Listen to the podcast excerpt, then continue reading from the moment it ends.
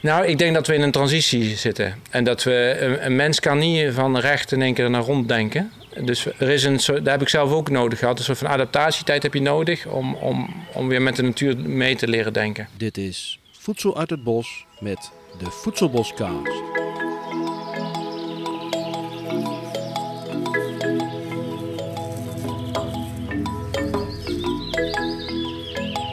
Ja, dus eh, als iedereen er klaar voor is, dan, eh, dan gaan we beginnen. Ja. Goed. Dit is aflevering 10 van de Voedselboskast. Jouw tweewekelijkse update over alles wat te maken heeft met professionele voedselbossen en de pioniers die hiermee bezig zijn. Wij zijn Frank Gorter en Marieke Karsen van Voedsel uit het Bos. En wij doen dit omdat wij de voedselbosbeweging toegankelijker willen maken voor een groter publiek. Voor ons staan deze voedselbospioniers symbool voor de grotere voedseltransitie van onderop. We nemen de luisteraar mee in het hoofd van deze voedselbospioniers en we willen alles te weten komen over hun diepere motivaties, wat voedselbossen voor hen betekenen en waarom zij denken dat voedselbossen belangrijk zijn voor onze toekomst. Zo, Ja, we zijn, eh, we zijn net een heel mooi eh, rondje gaan doen. Ja. In een prachtige, ja, wat is het? Agroforestry slash voedselbos slash moestuin paradijs. Daar heb je hem al. zelfvoorzienende plek, slash. Ja, geweldig was het er. Ja. Ja. Waar moet jij aan denken als jij eh, aan deze persoon denkt? Ja, aan van die leuke videootjes waarin hij ons in, in een of andere pruim of best staat te happen. En dan als niemand anders kan zeggen hoe lekker die was. Dat, ja, dat is deze persoon als eerste voor mij. Of tenminste, chef. Het staat al boven de aflevering, dus we kunnen de naam wel noemen. Maar zo heb ik, eh, zo heb ik hem leren kennen. Ja. Nou, het is, eh, we hebben net ook al even me- mogen proeven. Ja, En eh, Ja. mogen meemaken zoals in de YouTube-filmpjes. hij, hij was precies zo. Hij is Ja, precies ja. zo, hè? Ja, dat viel mij ook op. Ja. Nou, maar hij is natuurlijk inmiddels niet meer alleen dat. Hij is natuurlijk ook gewoon een ontzettend interessante grote speler aan het worden in dit hele veld. En een kweker en een, en een, en een bedenker van agroforestry systemen. En daar wil ik echt alles over te weten komen. Ja. ik ben ook heel nieuwsgierig. Want ja. Ik ken hem dus ook van die filmpjes. En een van die dingen die mij opvalt in die filmpjes... is dat hij de houding heeft van... ehm, de wereld bestaat uit overvloed. Jongens, de wereld bestaat uit overvloed. Niet uit schaarste.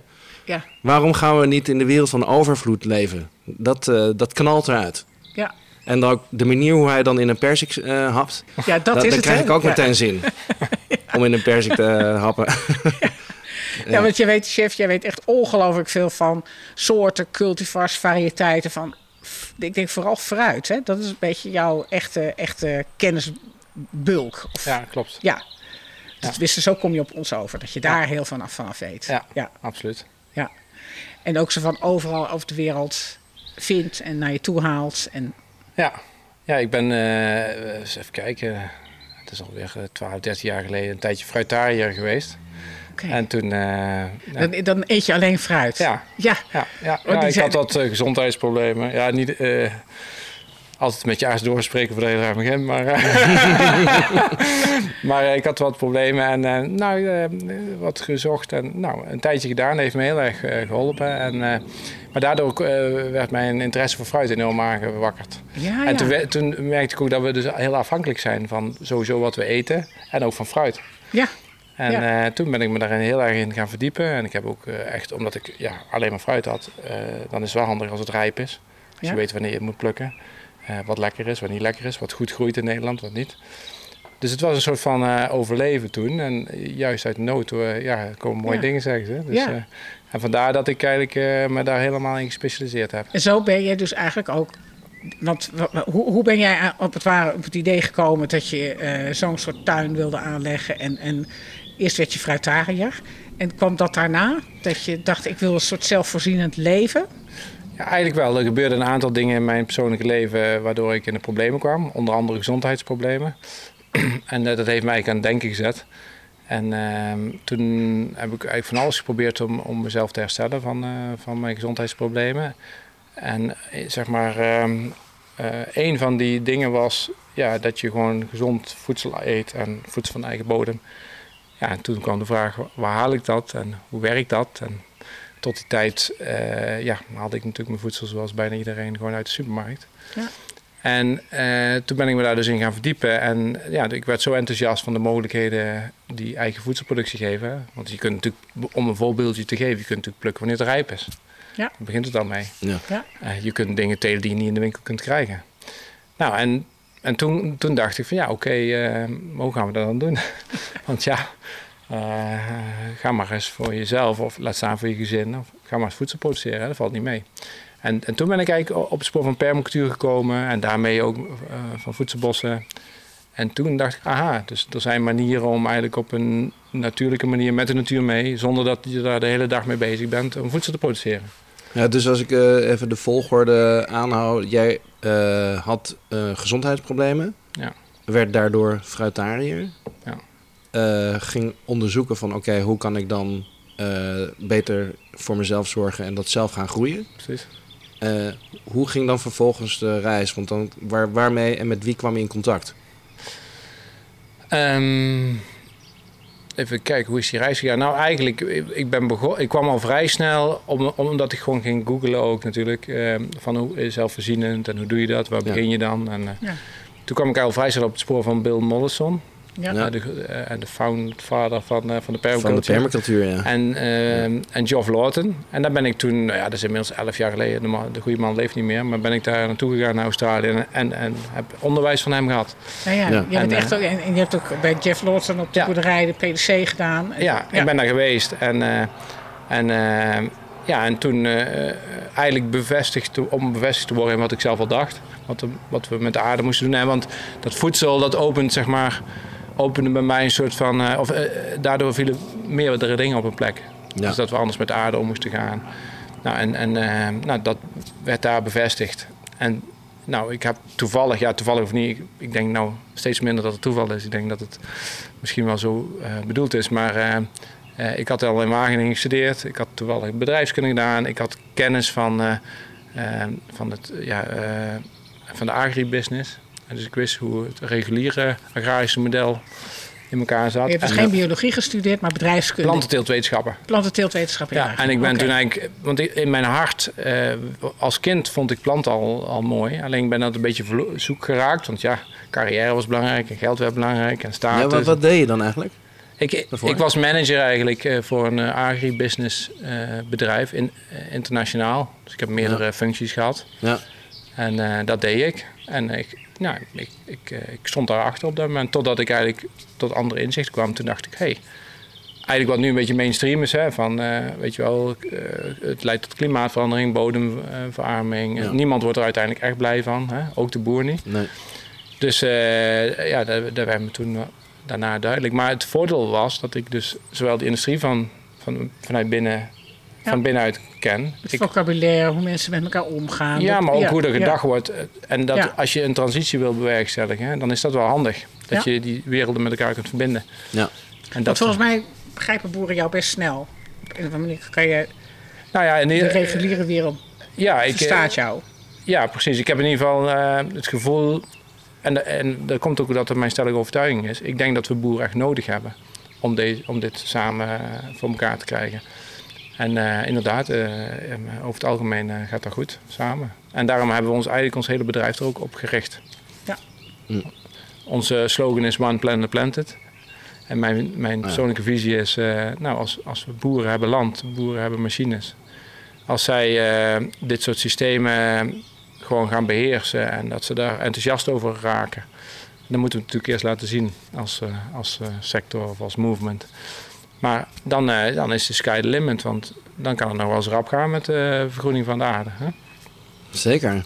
Ja, en, men, en nou, niet iedereen binnen de agri, agro-business, die maakt die stap. Wat, is Nee. er dan, wa- wat maakt jou anders?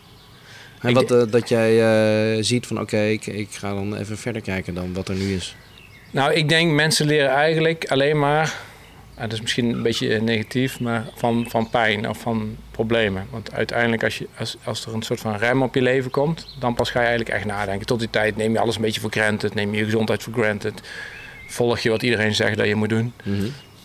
Ehm, omdat ik dus in, in zo'n problemen kwam, ben ik echt na gaan denken. En dat heeft denk dat, en dat, dat- ik ken meerdere mensen hoor, uit, uit, de- uit die sector, maar ook uit Ja. andere sectoren die of door een burn-out of dat ze niet meer achter het product kunnen staan, gewoon andere keuzes maken. En gelukkig zie je meer en meer mensen dat in plaats van in een soort van depressie terecht te komen, dat, dat ze eh, geïnspireerd kunnen raken om nieuws te creëren. Want ik denk dat door creatie, door samen aan een nieuwe wereld te bouwen, klinkt heel idealistisch, maar voel dat Ja, echt het is zo. de beste antidepressieve Ja. wat er is. Ja. Ik, bij mij gewoon precies hetzelfde. Je, je wordt er steeds weemoe- eh, ja, somber erover, over hoe het gaat. En dan denk je, ja, het enige wat ik aan kan doen... is de acht uur per dag die ik anders aan flauwe klanten besteed... aan iets goeds gaan besteden. Precies. Ja, Dus je, je priorities in life worden Ja. helder. En ehm, ik ben ook wel een tijdje, dat mag je best weten, wel somber geweest over wat met de wereld toe gaat. Want als je een beetje de lijn doortrekt, en dan zien we nou ook gebeuren hè, op, op klimaatgebied, op, alles. op, eh, op sociaal gebied, op financieel gebied. Eh, daar word je niet echt vrolijk van, want eh, er staan echt wel dingen op stapel. En, en, en toen dacht ik van ja, maar ik kan nou mezelf daarin verliezen en eh er vervelend van worden. Of ik ga iets creëren. En toen moest ik al denken aan de Titanic, want ze wisten dat ze gingen zingen. Maar het bandje stond wel te spelen totdat ze kopje onderging. Hè? Ja. En eh, ook al is het zo, weet je, ook al is, het, eh, is de boel verloren, hè, wat, wat, wat, wat ook in heel veel wetenschappers beweren dat het zo is, dan nog eh, moet je altijd vanuit hoop en vanuit de, ja, wat we wel kunnen doen denken. Ja. Maar dat is dus bij jou gepland op het moment dat jij dus zelf wat moeilijker had. Ja. Ehm, en nu, ja, dat zie ik dus ook terug in jouw filmpjes, dat je dus echt een enorme drijfveer hebt hè, om dit wereldkundig te maken. Ja. Ehm, wat is er nodig eigenlijk ehm, om de hele wereld, zoals je net in je slogan, hè, The One Planet Planted, om iedereen eh, ah, aan het planten te krijgen? Wat er nodig is, dat is eigenlijk super simpel, is een heel mooi beeld hoe het kan zijn. Want mensen geloven een mooi beeld. Ik heb, ik heb al best veel, ook in het verleden, ook toen ik andere diëten volgde, mensen proberen te overtuigen, zo zou je het kunnen zeggen. Van ja, zo, zo, zo moet het. Want hier en hier en hierom. Ja. Ook in de voedselboswereld kom je er heel veel tegen. Ach, dat jongens, werkt niet. Dat werkt niet. Nee. Want je, krijgt- je krijgt mensen tegen als je niet oppast. En, Ja. en je laat mensen niet in hun waarde. Mijn eh, diepe drijfveer, en daar maken we ook de YouTube-filmpjes, is als ik het laat zien dat het kan. Ik bedoel, je hebt vandaag gezien hoeveel Ja. honingbessen er hingen. hè? Ja, Ja. Nou, je, zou, je zou ze de kost moeten geven, zeggen ze op zijn Brabants. ja inderdaad. Eh, die zeggen dat dat niet kan en dat die dingen niet groeien en dat ze niet smaken. Ja. Ja. Weet je wel? Ehm, dus, dus op het moment dat, eh, dat je dat laat zien en dat in mooie beelden laat zien, ja, dan kun je mensen, en dat zie je ook gebeuren, mensen raken echt, ge- soms heb ik wel eens rondleiding en dan gaan ze emotioneel weg. Ja. Omdat Ja. ze niet meer geloven dat, er, dat het eigenlijk zo mooi kan zijn. Ja, en Dat wat doet dat met jou? Ja, dat, dat zorgt ervoor dat ik nog harder ga. ja. Want uiteindelijk, ik doe dit niet voor mezelf en ook niet voor mijn eigen kinderen. Ik doe dit voor mijn gevoel, omdat dat mijn roeping is om dat eh, de wereld te geven. Ja. Maar we gaan wel heel snel in het gesprek dit. Hè, want dit, wat is dit inmiddels? Je begon als fruitariër. Ben je nog steeds een fruitariër? Nee, niet meer. Nee, nee, het was niet meer nodig. Om alleen dat is niet nodig. En, en uiteindelijk eh eh, werkte het ook niet helemaal, eh, kwam ik achter. Dus eh, het is toen heel goed voor mij geweest. Ik, ik eet nu eigenlijk, eh, ik zeg altijd wat mijn, eh, wat mijn opa en oma als normaal eten beschouwen. Ja, Dus puur onbewerkt uit eigen tuin. Eh, alles, alles met mate. Opa's en oma's aten ook niet elke avond friet en een zak chips leeg. Eh, nou, dat doen we dan ook niet meer. En, eh, en we proberen zoveel mogelijk zelf te koken, zelf klaar te maken. En, en dat, nou, dat heeft me echt mijn gezondheid en mijn leven. En ook, ik zie het ook in mijn gezin teruggegeven. Mijn kinderen zijn, ja, hebben bijvoorbeeld gewoon eigenlijk nooit nergens last van. Hè, om een voorbeeld te geven. Dat is gewoon super fijn. Mijn vader, die hebben jullie net gezien. De man Ja. is 70. ja. Nou, ik ken veel mensen van 70 die... eh, Nou, de- ja, ik bedoel, toen ik jullie met z'n tweeën zag, dan had ik inderdaad meteen een vraag. Ik weet niet of ik nu al eh, kan stellen, maar eh, hè, dat je met je vader eh, samenwerkt, dan ben, Ja. ik, ben ik ook wel nieuwsgierig van hoe, hoe werkt dat? Hoe is dat gekomen? Ja. Ehm, nou, het is eigenlijk zo. Mijn vader ook van vroeger uit had ook iets met tuini- tuinieren. En eh, nou, hij, hij ging richting eh pensioengerechtigde leeftijd. Toen konden we eigenlijk samen konden we in bezit komen van dit, eh, stuk land. Want nou ja, Ja. het is best tegenwoordig de prijs en duur. Dus we hebben dat eigenlijk samen gedaan. En, en, en toen, toen hebben we elkaar eigenlijk gevonden. Want ik, ik vertelde het aan hem en ook aan mijn moeder. Want ik ben ook niet alleen. Hè. Ik, ik doe dit samen met mijn vrouw. En wij hebben Ja. altijd zelf dit, dezelfde visie gehad. Ook daar altijd ook fijn over kunnen praten. En mijn vader en moeder heb ik toen verteld: van, ja, God, weet je, dit is mijn, dit is mijn droom. Eh, kunnen, willen jullie, eh, kunnen jullie daar iets mee? En zien jullie- Nou, en dat, dat vond Kwam dat, kwam dat eh, helemaal uit de lucht vallen voor hun? Of was dat al... Nee, ze zijn wel gewend dat ik altijd met ideeën kom. eh, al van jongs aan natuurlijk moesten er dingen gebeuren, zeg maar, die zij nog, of nog niet bewust van waren. Of waarvan ze zeggen, is er nou wel nodig? Maar Ja, ze dus hebben me altijd het voordeel van twijfel gegeven. dus dat, dat, bij maar dat, deze, dat pionieren, dat zit er al vroeg in bij jou dus. Altijd, heeft er altijd Ja. in gezeten. Ja. Niet, niet, ja, ik heb altijd al eh, ja, dingen willen ontdekken. Weet je, dat Star Trek, eh, To Boldly Go Where No One Has Gone Before. Ja. Ja, Nee, fantastisch. Mooi. En ik dacht dat er dan geen bossen zijn waar mensen nog niet geweest zijn. Want we zijn natuurlijk over, dan maken we een nieuw bos waar, waar iemand nog nooit geweest is. Ja. Maar dus eh, toen kwamen we aan de keukentafel bij je ouders en toen eh, hadden zij zo van, ah, daar heb je chef weer, die, Ja, eh, met precies. een nieuw plan. Ja, letterlijk zo. Dat Ja. is wat ze zeiden. En, en, en hoe was hun reactie hierop? Nou, ze, eh, eh, heel positief. Eh, ze zeiden, ja, wij zien het niet voor ons. Hè. We weten ook niet hoe dat moet. Maar eh, ja, eh, laten we het doen. Nou, want ze hebben ook niet daar een achtergrond in. Nee, nee Dus- helemaal niks. Dus ik heb dat eigenlijk zelf eh, opgepakt, eh, getrokken. Ik heb, ik, ben, ik heb mijn eigen voedselbosontwerp toen gemaakt. Ik ben zelf alle dingen gaan doen hè, die je moet gaan doen om een voedselbos Ja. te- En, ehm, nou, en toen heb ik eigenlijk... Want ja, mijn vader eh, die tuinierde heel regulier. Hè, dus eh, alles schoffelen. Eh, nou, dat was best wel een proces is dat. Hè, als je alles door elkaar gaat zetten. En, eh, Ja. en, en, eh, ja, en het onkruid laten groeien. Dat was best wel heftig. Dat Wat, echt- wat zei hij dan? Ja, Moet dat niet weg? Ja, moet dat niet weg? Moet het niet gaan maaien of Ja. schoffelen? Of, nou, en moet, wa- waarom moet het door elkaar? En, nou, allemaal hele legitieme vragen. Dat hield mij ook continu scherp. Ja. En, en toen, toen hebben we eigenlijk een soort van taakverdeling gekregen. Dat ik eigenlijk de, de nieuwe dingen initieer en, en de permanente beplanting doe. En hij toch ook wel eh, dat, dat eenjarige gewassen de moestuin altijd leuk is. Maar eh, op een of andere manier hebben we ja, elkaar daar heel mooi in aangevuld. Ja. En daardoor hebben we dit samen kunnen creëren. En is dit dan ook, hè, want je woont hierbij, is dat Ja. dan ook zo'n generatieproef eh Ja, eigenlijk wel. Ja, dat Kijk, is tegelijkertijd voor hun ook het aantrekkelijke misschien wel. Dat is voor iedereen aantrekkelijk. Ja. Ik, ik denk, zeg maar, ik heb zelf tien jaar dan in Brazilië gewoond. Ehm, eh, kijk, eh, zoals we het in Nederland georganiseerd hebben, oude mensen in een bejaardenhuis en gehandicapten in een ander huis. gaat En- daar wel anders, ja. Da- daar niet. Dat is, dat is- als je dat daar vertelt, dan vinden ze je eh, super egoïstisch. Ja. Dat, je- hoe, dat je die überhaupt aan, eh, eh, Ja. in je hoofd altijd om je ouders uit huis te laten Ja. plaatsen. Dan Ja. ben je echt knettergek geworden. Ja. Ja. Dus, eh, en dat, ja, ik dacht ja. En, en toen, nou ja, goed. eh, ik, ik, ik heb dan de- ook de boeken van Anastasia gelezen. Dat is echt een leestip wat mij betreft. Maar daar staat ook in dat eigenlijk... Vroeger, wij hebben als mensen het altijd geleefd in, eh, in, in een soort van gemeenschappen. En dan is de eerste logische gemeenschap is natuurlijk je eigen bloedverwanten. Ja.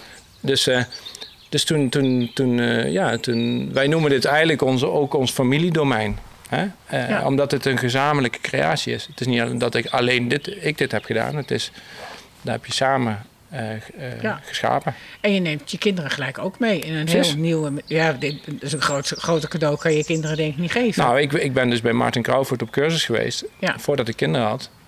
En toen zag ik dus zijn kinderen in het voedselbos klimmen. Ja, en toen kreeg ik echt een brok in mijn keel. En ik dacht, als ik ooit kinderen wil, ja. dan zorg ik dat mijn kinderen ook in, eh, in de kerstboom Oh. Zoals het eigenlijk je geboorterecht is. Kijk, mijn generatie, misschien jullie nog, maar mijn ouders...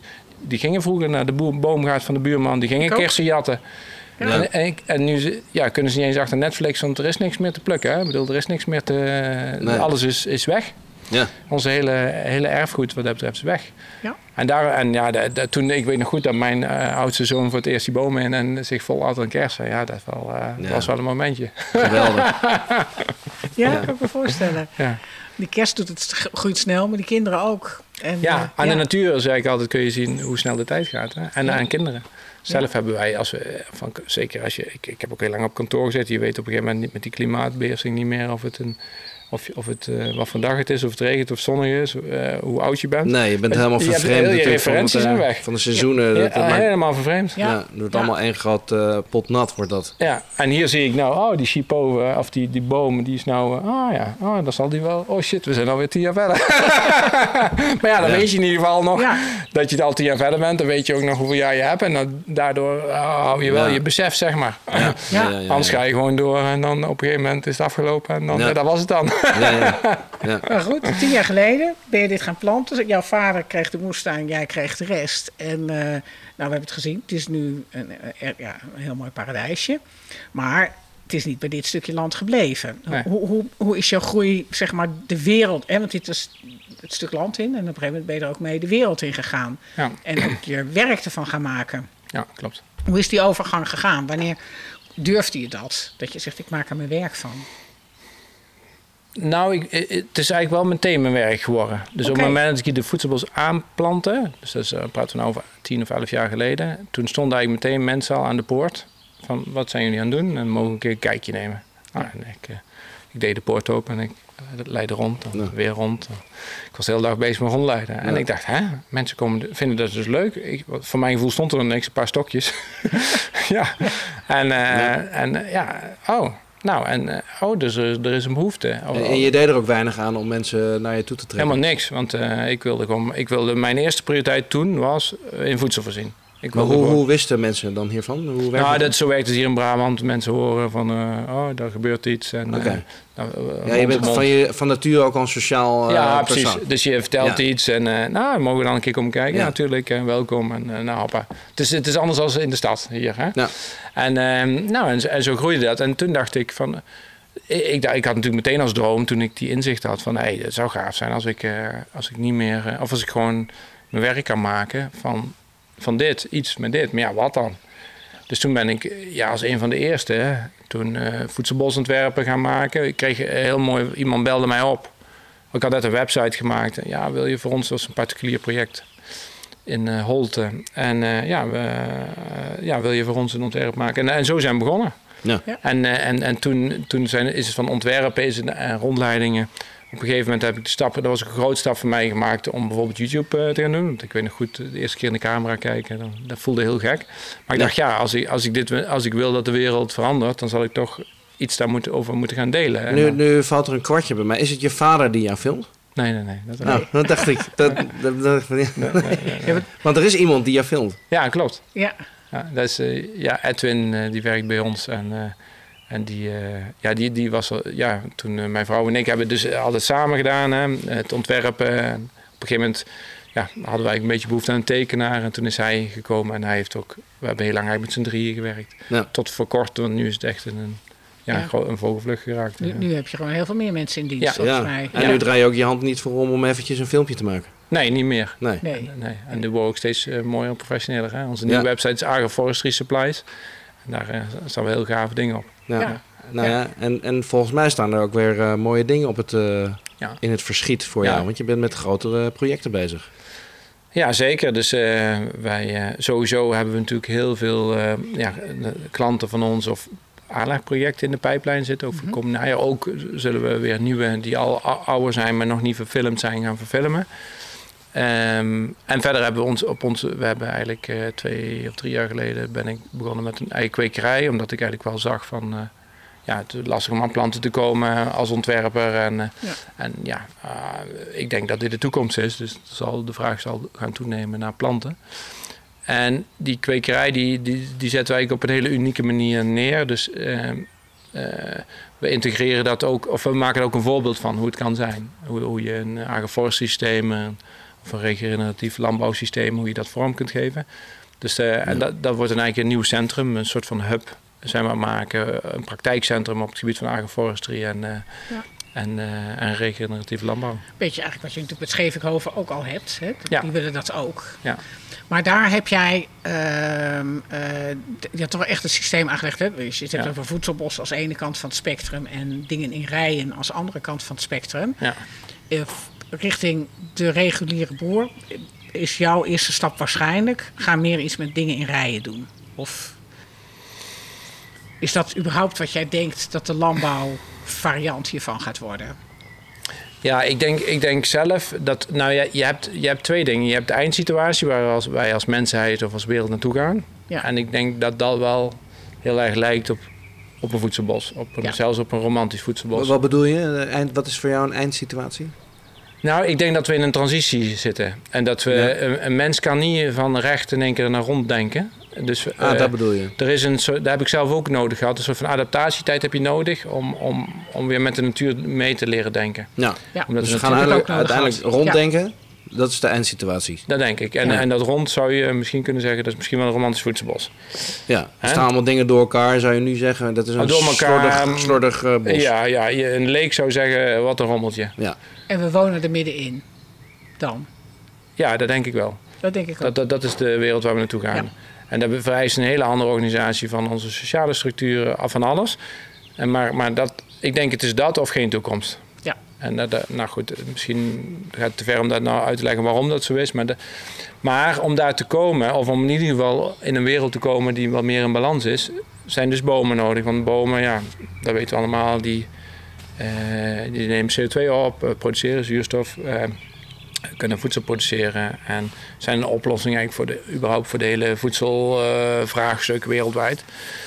Dus bomen gaan er komen. En dan is, is een logische stap om bijvoorbeeld een boer mee te krijgen in het geheel. Is om, hem, om, om eerst te beginnen in simpele vorm. Dat kan een strategie zijn, afhankelijk van het type ondernemer. En, en dan is ook logisch dat het eerst in rij staat. Want in rij kun je met mechanisatie werken. En vanuit daar ga je zeg maar stapsgewijs steeds complexer maken. Ik zeg nu een boer. Steeds krommer. Steeds krommer. Ja, krommer in positieve Steeds zin. rommeliger. Ja, ja, want, Ja. dan, want het vereist een bepaalde kennis. En eh, kijk, een reguliere boer, eh, ik noem maar wat, een, eh, een melkveehouder, ja, die moet gras kunnen telen, mais kunnen telen. Dat is een heel, heel vak, hè? daar heb ik heel veel respect voor, maar het zijn een Ja. beperkt aantal gewassen. Maar een voedselbol is een vandaag een forstsysteem, dan kun je zo met 200 eh, gewassen te maken hebben. En als Ja. je dan ook nog met dieren gaat werken, dan wordt het helemaal... eh, Ja. eh, en dat vereist iets van je als mens. Dat moet je leren. En wij hebben nooit anders gedaan als mensheid. Want tot voor 100 of 200 jaar geleden... Ja, deden we niet anders. Maar dat zijn we helemaal vergeten. We weten niet meer hoe Korter we... hoor. Eh, Ik korter. heb op een boerderij gewoond en opa had Ja. gewoon een gemeentebedrijf. Precies. Zeven koeien, graan, eh moestuin, alles erop en eraan. Het is nog niet zo lang geleden. nee, En dat nee. was een leven lang leren. Zo'n ja, bedrijf. Ja, want dat werd dan eh, vader op zoon of vader... eh, Werd dat doorgegeven. werd doorgegeven. En zijn zoon is toen met een melkveehouder begonnen. Dus, eh, dus de, de, zeg maar, onze vaders, als het ware, die zijn na de oorlog als jonge boer, hè, dus als je het hebt op die, over de generaties, een, een single-issue boer geworden. Ja. Ja, dus Ja. van krom naar recht. We waren eigenlijk Ja. krom. Toen zijn we Krommer. krom- krommer Ja. aan denken. Ja, Nu, eh, ja, om even de termen gewoon te gebruiken. ja, want ik vind het ja, eigenlijk wel mooi. Ja, Eh, zijn we steeds rechter gaan denken. Waarom zijn we steeds rechter gaan denken? Ja, ik denk omdat we, we zijn in een soort van controlemaatschappij gekomen. Dat we alles willen kunnen plannen. Dat is ook heel Nederlands. Bijvoorbeeld in Brazilië, waar ik heb gewoond, is die behoefte veel minder sterk.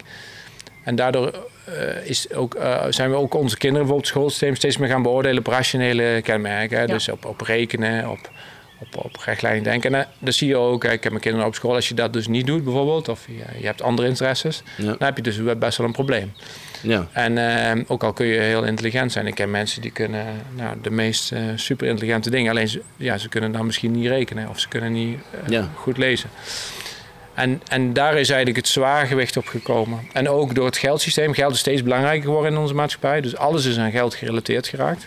Dat was vroeger niet zo. Kijk, als je vroeger een huis ging bouwen, dan zei je jongens Ja. in de buurt van we gaan bouwen. Wie, vandaag voor mij, morgen voor jou. En je Ja. bouwde samen elkaars huis. Je had Ja, geen en ik, geld nodig. maar ik denk ook dat de boer langzaam zelf een verdienmodel is geworden voor een heel grote Tuurlijk. industrie. Tuurlijk. En eh, daar in die pas meelopend zijn zaad daar moest kopen. En zijn, zijn melk bij die ene grote coöperatie moest afleveren. En dat heeft allemaal die boer als het ware van zijn zelfstandigheid ook beroofd. Ja, Ja. dus we moeten ons bevrijden dan in, die, in zekere zin. Ja, Ja, ergens wel. Ja, bevrijden lijkt net of dat je gevangen bent. Het is, eh, ik denk dat wij als mens en ook eh, eh, dat wij zelf hebben gekozen om hierin te zitten. En we kunnen ook zelf kiezen om hieruit te komen. Ja, ja, maar wat ik bedoel met bevrijden is vaak zijn dit soort processen onbewust hè, Precies. gewoon ingeslopen. Ja, zo niks snap. En voordat je het weet, dan zit je dus aan die keten vast. Maar ja, als je dat van tevoren had bedacht allemaal, dan had iedereen gezegd, ja, no way, Ja, precies. waarschijnlijk. En daarom Ja, zijn die voorbeelden langzaam, zo ja. belangrijk. Want eh, om uit de box te denken. Mensen denken dat ze uit de box kunnen denken. Maar de vraag is maar of ze dat echt kunnen. Want als je nooit echt iets anders hebt gezien en gevoeld... dan, dan ben je Ja. per definitie beperkt. Ja. dus jij hebt een systeem ontwikkeld waarvan je zegt: dit is op weg naar krom, maar nog heel herkenbaar voor recht. Ja, dat, dus zo kun je het zeggen. Dat Ja. zie je hier ook. Hier heb je rondgelopen. Kijk, als hier een boer komt... of, of gewoon iemand die, die helemaal niet in de scene zit... die nog nooit van voedselbos gehoord hebt, die schrikt niet. Nee. Weet je wel, die wordt rustig, geleidelijk, per zone, klaargemaakt om achter in het bos te stappen. En Ja, als ik je hem daar dan vertel dat daar noten uitvallen en dat je daarvoor kunt leven, dan komt het een stuk geloofwaardiger over als dat het bos voor aan de weg zou staan. Ja. En Ja. Ja, want Hè? je begint hier dus met een moestuin. Hè? Dat is het eerste wat je ziet. Het huis. En ja, het is natuurlijk wel anders dan anders, maar ook weer niet zoveel anders dan anders. Nee. Hè, dus het is voor mensen gewoon te volgen. Ja. En dat, dat denk ik, daar, daar ligt ook onze kracht in, of mijn kracht in, om dat eh, te doen. Maar uitgaande van hè, wat Martin Crawford en uh, dat vind ik ook zegt van pas als je een negenlaag systeem hebt wat helemaal eh, eh, ja, op, op alle lagen voedsel uit de bodem kan halen en er weer in kan zetten, heb je een helemaal no-input systeem. Ja. Ehm, in, in, in elk laagje eh, van herkenbaarheid richting voedselbos is de input wordt minder. Zeg maar. Bij Ja, een moestuin heb je nog veel input nodig. En dan het systeem waar jij nog ganzen eh, en, en, en laat lopen. Nou, dan zijn die ganzen natuurlijk externe input. Want die eten niet alleen van wat ze vinden. Of zijn die al helemaal... Dat, dat stuk is wat dat betreft... Kippen niet, maar ganzen. Die ganzen- Daarom ben ik zo fan van ganzen. Ja, ja, die doen helemaal mee in die gesloten cirkel Niks van, van dat plekje. Ja, Ja, nou dat is interessant. Ja, Dus je moet ook goed bewaken hoeveel ganzen je er dan rond Ja, zeker, lopen, want anders dan dan- gaat het mis. ja, zeker. Ja, Je moet ze af en toe... eh, maar die gedachte vind ik ook nog heel eh, bijzonder dat mensen dat zo slecht begrijpen. dat Dat, dat, eh, no input. Dat ze, Oh, zo, dat ja. ze niet begrijpen hoe, eh, ehm, hoe essentieel dat een probleem is. Ja, maar het mooie is, gaan, dat begrijpt iedereen heel snel. Zeker met wat er nu aan de hand is. Als de kunstmest twee keer zo duur wordt en... en Ja, eh, dan ja, wel. dan, dan begrijpen ze heel snel. Ja. Ik, ik zeg, mensen leren heel snel van pijn en als ze geld verliezen. Ja, Ja. dat Als is geld ook kost. pijn. Daar leer je heel snel van. Ja, Ja. ja, Nou, dus eh, het is een kwestie van tijd of eh, nul input wordt heel sexy. ja. Dat kan Dat niet denk, ik ook, dat denk ik ook. Maar ik vind, het verrast me dat het nog zo lang duurt. Dat is een beetje Ja, mijn... nee, absoluut. ja. Maar, maar hoe hoger de financiële Ja, Noodzaak. noodzaak, hoe Ja. sneller de transitie Ja. dan. Ja. Dus ik verwelkom ook die eh, hogere prijzen van fossiele Ja. brandstoffen. Want dan, dat, dat, dat maakt, het, eh, het maakt andere gedachten veel aannemelijker. ja ik, ik beschouw het ook niet als een, als een probleem. Nee, ik, nee. Ik, ik, ik weet dat het pijn doet. Ik weet ook dat het lastig is. Maar Ja. het zal de verandering eh, versnellen. Precies. Maar goed, ja, eh, de- de- wat ik eigenlijk wilde zeggen, van wat, jij, wat ik jou veel zie aanleggen, zijn, zijn zeg maar hagensystemen met eh druppelirrigatie en dan langzaam oplopende zoom daarin. Of is dat, Ja, wij leggen eigenlijk alles aan. Dus wij Ja. kun- zolang het maar op rij is. ja, Want ehm, dus je kunt een voedselbos op rij aanplanten. Ja. Ehm, je kunt een... eh, maar zet je daar ook allerlei wijkers bij? Of is het gewoon alleen die ene soort? nee, nee, nee. Sowieso is het geen monocultuur. Ook niet in nee, de rij, hè? Nee, nee. Dus het is eigenlijk, eigenlijk is die rij, laat je, eh, die, die moet jij niet door laten misleiden. Dat kan nog steeds een hele complexe eh, systeem zijn. Het is alleen een manier om het machinaal voor elkaar te krijgen en eh, om het eh, te managen. Te weten. Dus, Ja. dus Ja. als voorbeeld, in één rij kun je zeggen, van, nou, ik plant een walnoot, een haasnoot, een duindoor. Een, eh, nou, een serie van tien verschillende soorten in één rij, maar wel machinaal. Ja. En dan rij je daarna. Nou, en dat kun je op allerlei manieren. Dat, dat is dus eigenlijk ons eh, ontwerpvak, zal ik maar zeggen. Ehm, als, als de behoefte is, bijvoorbeeld Schevenkoven, daar eh, was een, dat was een heel interessant eh, ontwerpproject. Want er mocht niks hoger worden van een groot gedeelte van het perceel dan anderhalve meter. Dat Ah, dat lag aan de bestemmingsplan, dat het niet hoger mocht. Ja. dus, lang- dus ja, dan, eh, dan, Ja. ja, dan, dan heb je een stuk minder opties als dat je Ja. negen lagen mag gaan bouwen. Ja, En dus ik, ik faseer heel sterk in, in, in de aanleg, en maar ook in de tijd. Dus ik, Ja. eh, wij zelf, ik zal nooit in één keer negen lagen in één keer aanleggen. Nee. Ik zal altijd zeggen van, begin hiermee. Dat zie je hier bij ons in het voedselbos ook. Ik heb eerst de elzen geplant en daarna pas de druiven. Ik zeg Ja. altijd, anders hebben ze nog niks te klimmen. Je moet Nee. eerst zorgen dat er wat te klimmen is. Ja. En, en je kunt het dan, naar gelang wat je nodig hebt, wat de markt nodig heeft, wat je kunt verkopen, wat je zelf leuk vindt, ga je dat eh, verder aankleden. Het is geen een, een, een voedselbossysteem, een natuur is niks gefixeerd. Je blijft ingrijpen, je blijft sturen. Eh, het is ook niet zo, want heel veel mensen, merk ik ook, die stellen mij de vraag: hoe maak ik geen fout? Want ik zeg nou, het ergste wat je kan gebeuren is dat je een boom hebt geplant dat je hem er weer uit moet halen omdat het de foute boom was. Hè? Maar het lastigste is om Ja. iets bij te planten tien jaar geleden. Dat. Dus ben, ben vergeeflijk, hè? Ben, Ja, ben, eh, vergeef het jezelf. En, eh, En, en, ehm, neem je die boeren ook mee? Krijgen ze dan een cursus? Eh, be- begeleid je ze ook nog eh, na aanplant? Want het is natuurlijk een nieuwe manier van boeren. Jazeker, dus eh, onder andere werken we dus heel veel samen met Schevenkoven. Hè? Want zij hebben inderdaad... eh, ja, zij, zij hebben een model van boerderij... ontwikkeld, zowel op financieel gebied, wat eigenlijk ehm, heel aansprekelijk is voor boeren, dat het ook uit kan. Daar Ja, dat is ook een doelstelling. dat is hun doelstelling. te maken. Dus in die zin is het ook anders dan wat ik doe. Ik, ik laat meer zien wat er eh, mogelijk is met eh, combinaties, Ja. planting, meer, meer, meer de technische kant, zeg maar. Ja. Eh, Ja. eh, maar in principe, als, als wij eh, een project begeleiden, dan, eh, dan zitten we tot en- van ontwerp tot en met realisatie. En dan ook een stuk opvolging. Want kijk, we hebben er niks aan als dit niet slaagt. Ja. Dus als voedselbossen niet slagen, of als agroforestry systeem niet slagen, want dan werkt het Ja. tegen ons. Want dan zit, nou, dan zijn wij, wij wij zijn hier aan tafel overtuigd van een betere Ja, dan wereld. ben je met dit verder van systeem. huis. Dan ben je verder, want dan zegt iedereen, ja zie je wel. Ja. Hij had het toch gezegd. Ja. Niet aan beginnen. niet onzin. En er zijn natuurlijk wel wat belangenorganisaties, of organisaties die belangen hebben dat het. eh dat gaat natuurlijk Ja. niet. Eh, nee, maar dat is met elke nieuwe uitvinding. Ja, Eh, dus, dus in principe eerst is men eh, een beetje tegen. Het is in principe, eh, of niet tegen, maar moet je je bewijzen. kijk met de kat uit de boom. Kijk met de kat uit de boog. Ja, of het, of het kind uit de boom. Ja, of, en ja. in mijn optiek, zeg maar, als, daarom zijn we ook bijvoorbeeld met water gaan werken. Kijk, op het moment dat, dat na twee jaar het water weg kan en iedereen wordt blij omdat het gewoon goed groeit. en daarmee kun je dus een aantal partijen over de streep trekken die anders eh, niet zo. Dan, dan eh, heb je winst. Ja, dus jij zegt de eerste twee jaar doe je die druppelirrigatie erbij en dan... eh, Ja, ik zeg altijd, een, een plan moet het eerste jaar overleven. Dus een soort van kastplantje. Dus dan is het wel handig als je hem helpt. Het jaar twee begint hij te groeien en jaar drie kan hij zichzelf bedruipen. En dan heb je nog afhankelijk van bodemtype. Hè? Want op Ja. kleigrond kun je natuurlijk veel meer maken op, op droge zandgrond. ja, want jij zit op zandgrond. Ik zit op zandgrond. Nou, het is heel simpel. Als je hier een boom in de grond zet en je, en je geeft geen water, gaat hij gewoon dood. Ja. Het eerste jaar. Ja. Ja, of, of, of je moet een heel mooi nat seizoen hebben als vorig jaar. Maar als we die twee Ja, zomers daarvoor of deze, dit voorjaar al hebben, ja. dan is het gebeurd. Zeker in een open situatie. Hè. Kijk, als ik nu plant in het voedselbos, ja. in de schaduw. in de schaduw, Ja. dat is weer heel anders. Ja. Maar ehm, dus, dus ik zeg, eh, of ja, ik promoot van. Zorg nou dat je twee jaar het water kunt garanderen. Ja. Haal het daarna weg of, eh, of doe er niks meer aan, want dan is die plant established. En dan, dus je plant nog steeds wel de soorten die horen op die grond. ja. Ja. Maar je helpt ze wel even die, die twee jaar. En dat, de, de returns zijn immens. Hè? Dus een plant die gewoon water krijgt, de eerste twee jaar, die, die loopt drie, vier, vijf groeiseizoenen voor na twee jaar op een plant die in de, in de stress heeft gestaan twee jaar lang. Ja.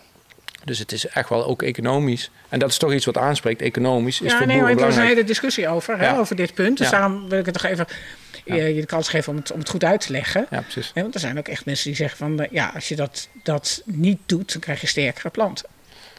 Ja, maar ja, maar dat, ik, ik heb er nog nooit gezien en ook niet bewezen gezien dat dat zo is. Ik denk wel dat je uiteindelijk niet een plant aan het water moet houden, want dan gaat hij natuurlijk nooit diep wortelen. Nee, nee, precies. Maar dezelfde, ja, toevallig mijn zoon is ook, eh, daar heeft me ook anders gedacht, die is te vroeg geboren.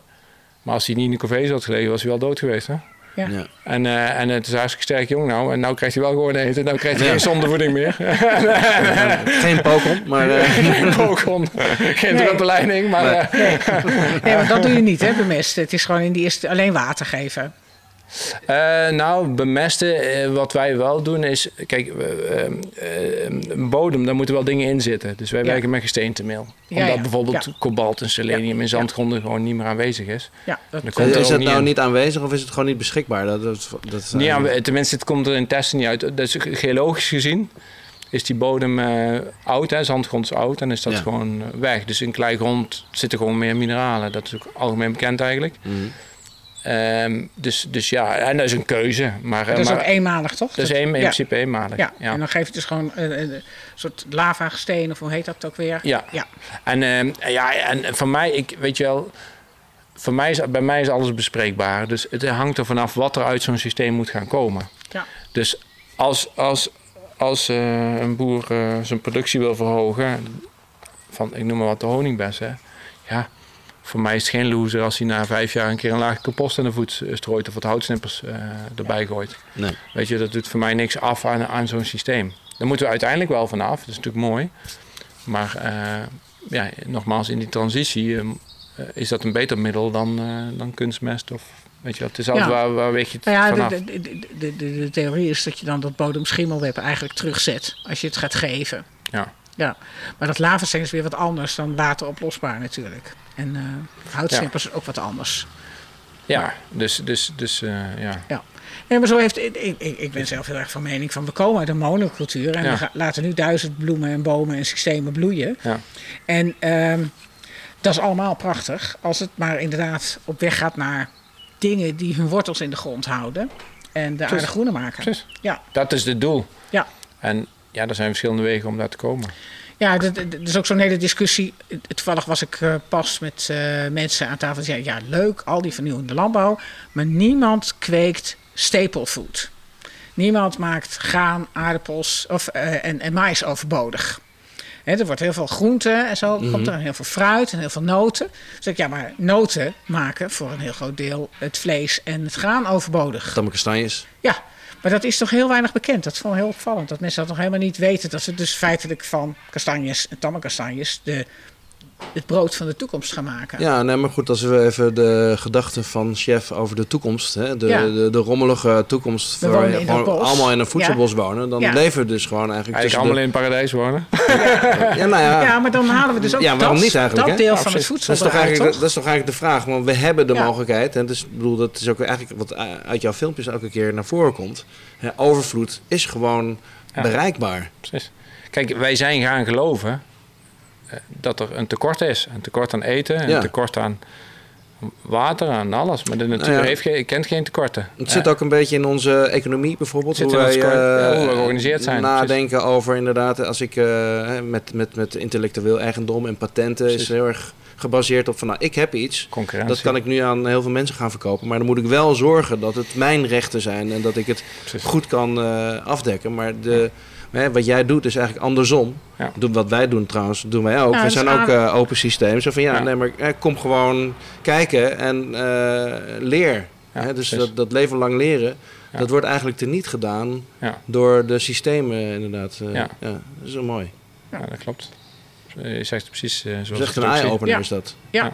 Ja. Want even nog tussendoor, we, hebben, we blijven maar, je, je, bent gewoon hop, hop vrij snel ermee gaan werken en, en, en, eh, en eh, voedselbosontwerper geworden. En er iemand bijgenomen die dat tekenen echt zo goed kon doen. Jij weet st- steeds meer, ben je natuurlijk gaan weten van al die soorten. Dus die kwekerij van jullie, hoe, hoeveel mensen werken daar nu inmiddels? Ja, ik denk eh, acht part-time of zo. Ja, ja. Dus, ja. Ah. Dus, maar wij, wij, wij, wij hebben dus niet alleen de kwekerij, wij leggen dus projecten aan, wij ontwerpen ze. Ehm, dus we hebben wel verschillende activiteiten door het jaar heen, zal ik maar zeggen. Ja. Ja. En in die kwekerij, kweek je daar alles of kweek je Nee. daar bepaalde soorten? Of? Ik, ik ben die kwekerij begonnen om de, het planmateriaal te verschaffen voor onze eigen klanten en eigen projecten. Ja, ja. En eh, omdat, omdat ik merkte dat als ik als ontwerper soorten koos, of dat ik daar, en dan, kwam, dan moest ik naar mijn klant toe, want mijn klant zegt van ja, hè, w- wanneer komen die planten of waar moet ik die regelen? En ja, dan bleek het er toch niet te zijn. Of, eh, of, Komt of buitenland. Komt Ja. en eh, toen dacht ik, nou, dan ga ik het zelf doen. En dan kan ik het ook garanderen. En, eh, en dat is ook nog wel leuk om te vertellen, wat, wat, wat ik heel leuk vind aan mijn vak. En ook omdat het zo groeit. We- Wij leggen heel veel projecten aan hè, in, in Nederland. En eh, trouwens, nou gaan we ook naar België. En daardoor, eh, Tesla, hè, ehm, Ja, Elon de Musk, autofabrikant. Ja. die autofabrikant, die heeft in elke Tesla heeft hij een feedback systeem gebouwd. Hè? Dus eh, die sturen terug naar de fabriek wat die auto meemaakt. Hè? Of eh, met, met sensoren, met bijvoorbeeld om, om, om botsingen te voorkomen. Dat gaat terug naar de fabriek. En daar wordt, daar wordt, dat noemen ze dan eh, artificial intelligence. Hè? Daar wordt dan aan elkaar gekoppeld zodat de volgende Tesla beter is. Ja. Nou, de grap is, één auto stuurt één keer één dag aan informatie door. Maar hij heeft er miljoenen rondlopen. Dus die, Ja. die man die krijgt miljoenen dagen, dus jaren of honderden jaren... aan, informa- aan feedback-informatie terug. Daardoor Ja. kan hij ontzettend snel vernieuwen. Dat is nu wat wij ook zien gebeuren. Dus we hebben zoveel projecten nu gedaan. Ik krijg van al die projecten feedback. Heel veel, want het is nieuw. Dus er gaan ook echt wel dingen fout. En er gaan dingen heel erg goed. Ja. Ehm, en, eh, en daardoor kunnen we heel snel innoveren. Daardoor- En dat wil ik ook zo houden. Want ik had toevallig ook pas Wageningen en zo op bezoek. Ja, dan moeten we gaan bestuderen. Ik zeg, maar als ik iets wil uitproberen, heb ik morgen uitgeprobeerd. Tegen bijna nul kosten. Ja, dus, eh, jij Ja. denkt eigenlijk als een softwareontwikkelaar Ja. en niet Ja. meer als een eh als Dus een ik denk, als wij dat samen gaan ja. doen, en wij weten dat te bundelen, misschien ook een, echt een taak voor jullie. Ja. Eh, Superleuk. want dus, Ja. dus kennisdeling zit er ook in. Maar als je die feedback loop goed Ja. houdt en je houdt dat eh, praktisch, want daar gaat het uit. Uiteindelijk gaat het gewoon om praktisch. Het Ja. gaat niet om Ja. een theoretische Dat je exercitie. Dat doen we ook naar uitvoering kan maken. Wageningen is al, al weet ik hoe lang bezig om na te denken hoe de wereldvoedselproblematiek op moet lossen. En ze zijn er nog niet Ze uit. zijn er niet uit. Nee. Dus we moeten gewoon op praktijk. Daarom heb, heb ik Ja. ook zoveel Het affiniteit met boeren. Groots, hè, wat je nu even tussendoor eh, zegt. Ja, zeker. Ja. Ja. wat, wat, wat dat inhoudt eigenlijk. Ja, want het, het heeft er eigenlijk alleen maar mee te maken. Jij hebt nu een systeempje ontwikkeld, hoe dat kan. Ja. Nou, als je dat systeempje met ons deelt, dan zetten wij dat op Voedsel uit het Bos. Dan kunnen al die deelnemers aan Voedsel uit het Bos en hetzelfde systeempje meelopen en een feedback geven. Ja, je zou zo'n feedback Ja. eh, iets, Ja. iets, iets Ja. kunnen maken. En Ja. dat is open data. Wij produceren alleen maar open data. Ja. Dan kan Dus dan kan oogst, iedereen, eh, kan iedereen meelezen. Ja. Ja. Ja. En, dan, en dan wordt het scalable, dan wordt het open source. Dan, Ja. en dan, Want het is, heeft natuurlijk ook heel erg met grondsoort en plek en alles te maken. ja, er is dus geen one size fits all. Nee, dus, nee, eh, nee. dus, Dus, eh, wat we kunnen leren is dat een bepaalde soort of een bepaalde onderstam het op zand heel slecht doet en op klei heel goed. Bijvoorbeeld dat soort dingen kun je allemaal gaan Ja, leren. en, en, en, maar het moeilijke is, kijk, in Afrika en in Azië zijn ook voedselbossen. En er zijn altijd vrouwen die ze beheren. hè. Waarom? Vrouwen kunnen veel meer interacties aan in hun hoofd dan mannen. Hè, Mannen zijn toch wat gefocuster, een beetje Meer eh, de één ding tegelijk. één ding tegelijk. Ja. En eh, dit soort systemen zijn hele complexe systemen. Want als je het wetenschappelijk bekijkt, je hebt zoveel variabelen. Als je die met elkaar gaat vermenigvuldigen, dan word je helemaal gek met de potentiële Ja. uitkomsten. Ja, Nou, ja, precies. eh, Inherent aan wetenschap is natuurlijk dat je gaat focussen. Ja, Hè, dus, dus de- de- per moet- definitie moet je het, noemen ze dat, afbakenen en Ja, in een model stoppen. steeds En een meer model is per definitie, dat is eigenlijk niks anders dan andere dingen uitsluiten. Dat is een model. Ja. Heel veel uitsluiten, zoveel mogelijk, ja. zodat dat iedere, iedere, iedere wetenschapper En we gaan eigenlijk eh, met de voedselbossen de andere kant de op. andere kant op. Dus Ja. dat betekent intuïtie. Kijk, ons hart kan veel meer eh, eh, eh, pulsen Ja. verwerken. En dat is brein. vrouwelijker. Dat is vrouwelijker. Dus intuïtie wordt veel belangrijker om dit soort systemen. Ik weet ongeveer wanneer. Mijn opa wist wanneer het ging regenen. Niet omdat hij kon berekenen. Hij wist dat gewoon. Ja. Hij, hij, eh, hij snoof een keer en dan weet ik wat hij deed. Ja. Hij wist. Hij en dan weet je niet precies waarom, maar... Dan weet je niet waarom, maar hij, Ja. hij kon het verrekte goed voorspellen. Ja, ja, ja. Hè? Dus, dus Ja. kijk, dit soort systemen vragen meer die, die ontwikkeling van een persoon. eh, Om naar, naar het hele model en dan even op Maar jouw vraag terug te komen. ja, want hoe vraag jij die feedback dan? Ja, dus, dus, die, die, die, dus je moet eigenlijk het aantal soorten vermenigvuldigen met de bodem en met wat zo'n klant. En dat is dus best wel moeilijk in, eh, in, in iets te zetten. In een model te zetten of in een feedback. Ja, maar Ja. ik laat dat altijd graag aan die wetenschappers. Dus ik Ja, maar die kunnen dat da- in, in mijn optiek dus niet. Want Nee, wat die nee. als eerste gaan doen, die gaan die data Ja, reduceren. per, de- per definitie. Per definitie, want anders Ja. kunnen zij die data niet aan. Dus ik denk, daarom ligt de oplossing ook juist bij boeren en mensen die met hun handen Ja. iets doen. Ja.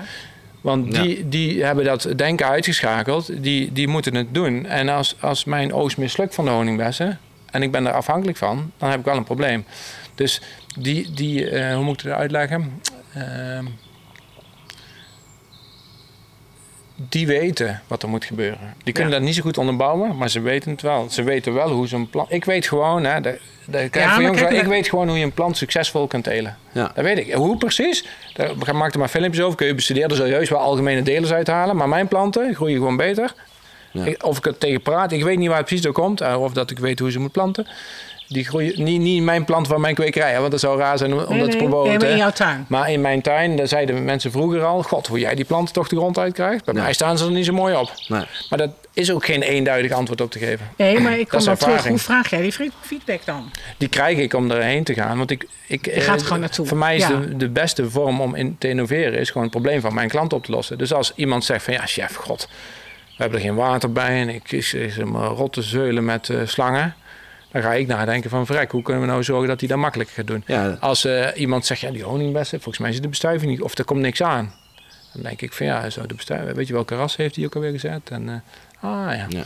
Maar dit gaat allemaal mondeling. Het gaat allemaal mondeling, daar is niet een systeem vastgelegd. Nee. En daarom denk ik dat het heel belangrijk is dat we mensen opleiden en betrekken, eh, wat, wat jullie Ja, met de ja. endcursus net vertelden.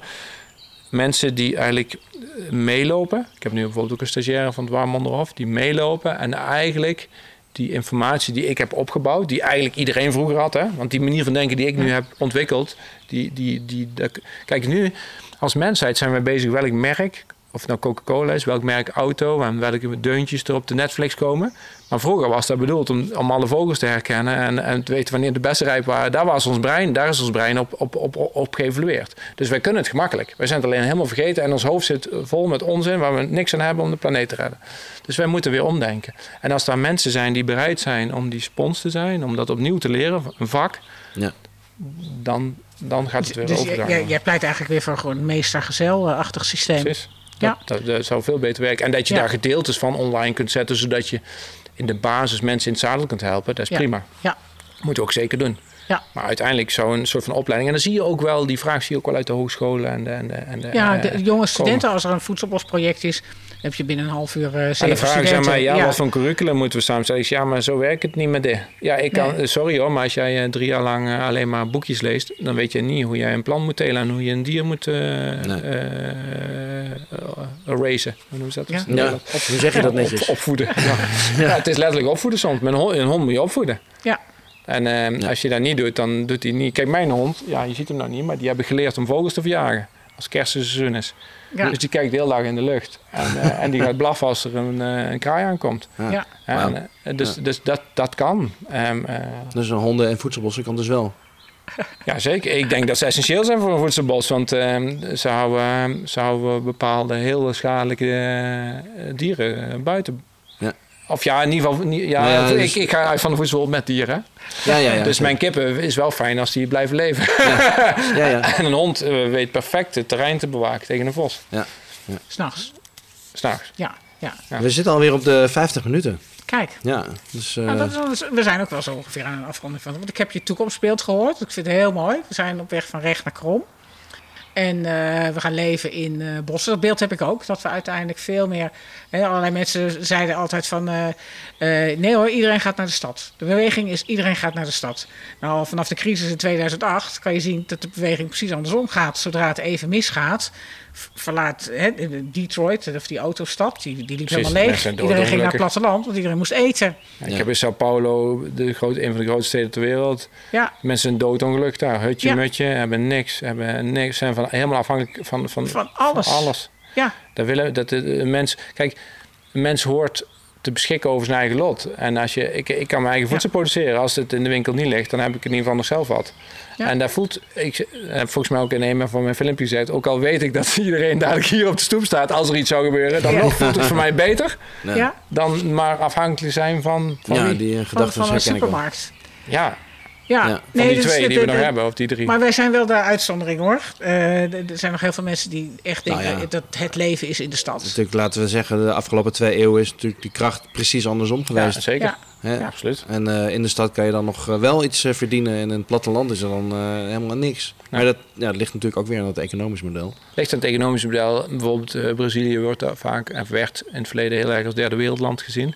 Terwijl die mensen die geen geld hadden, zogenaamd heel arm waren, super gelukkig waren. Want ze hadden alles. Ja. Oerwoud, ze hadden eten, eh, vis, eh, fruit, eh, zwemmen lekker buiten, kinderen de hele dag spelen. Geen baas. Geen baas, Ja. geen gezeik, geen bankrekening, geen formulieren die je allemaal in moet vullen. En die leefden gewoon. ja.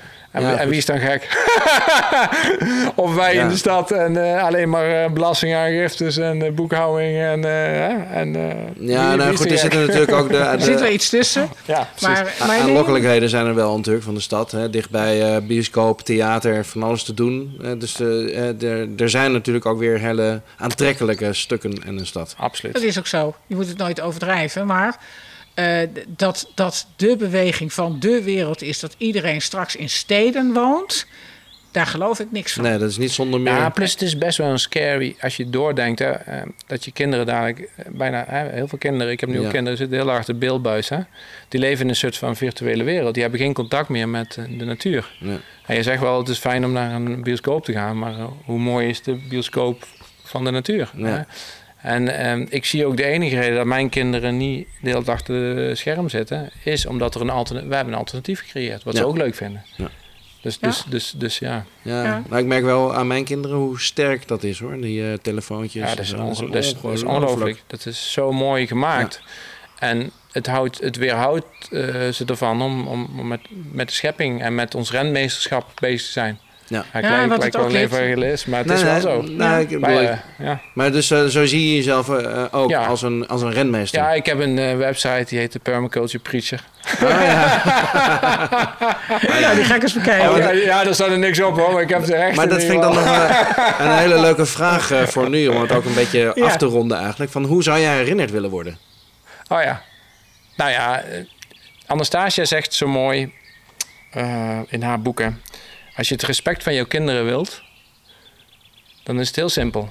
Dan, als jouw kind aan jou vraagt: Papa, wat heb jij gedaan om de wereld beter te maken? Dan moet je een antwoord kunnen geven. Dan moet je niet het. zeggen: Ik zat de hele dag achter Netflix en ik zat eh, nog een za- ene zak chips naar de andere. Nee, dan moet je. Dus dat heeft mij toen ik mijn eerste kind in mijn armen had, toen dacht ik: En nou, eh, en nou eh, ga ik all the way. En, ehm, en eh, mijn kind, als ze vragen: Wat doet jouw papa? Die zegt: Hij is bomenplanter. Ja, Dat is genoeg. nou, ik krijg eh, kippenvel. Ik ook. Dankjewel. Ja. Ja, Je hebt me gelijk. Heel erg bedankt. oké. Oh, mooi. Ondertussen was jouw vader hier aan het rondscharrelen met eh, van alles en nog wat. Het was een genot om te zien. Mooi. Ja, heel fijn dat jullie de moeite hebben genomen hier naartoe te komen. En, eh, heel Ja. leuk. De Voedselboscast is een concept van Marieke Karsen en Frank Gorter. Techniek, editing en de muziek is gedaan door Frank Gorter. Verder danken wij de rest van de organisatie van Voedsel uit het Bos, Anje Poortman en Joep van der Wal. Mochten er luisteraars zijn die deze podcast willen ondersteunen, dan wordt het erg op prijs gesteld, want we zoeken nog sponsors. Stuur een mailtje naar info@voedseluithetbos.nl.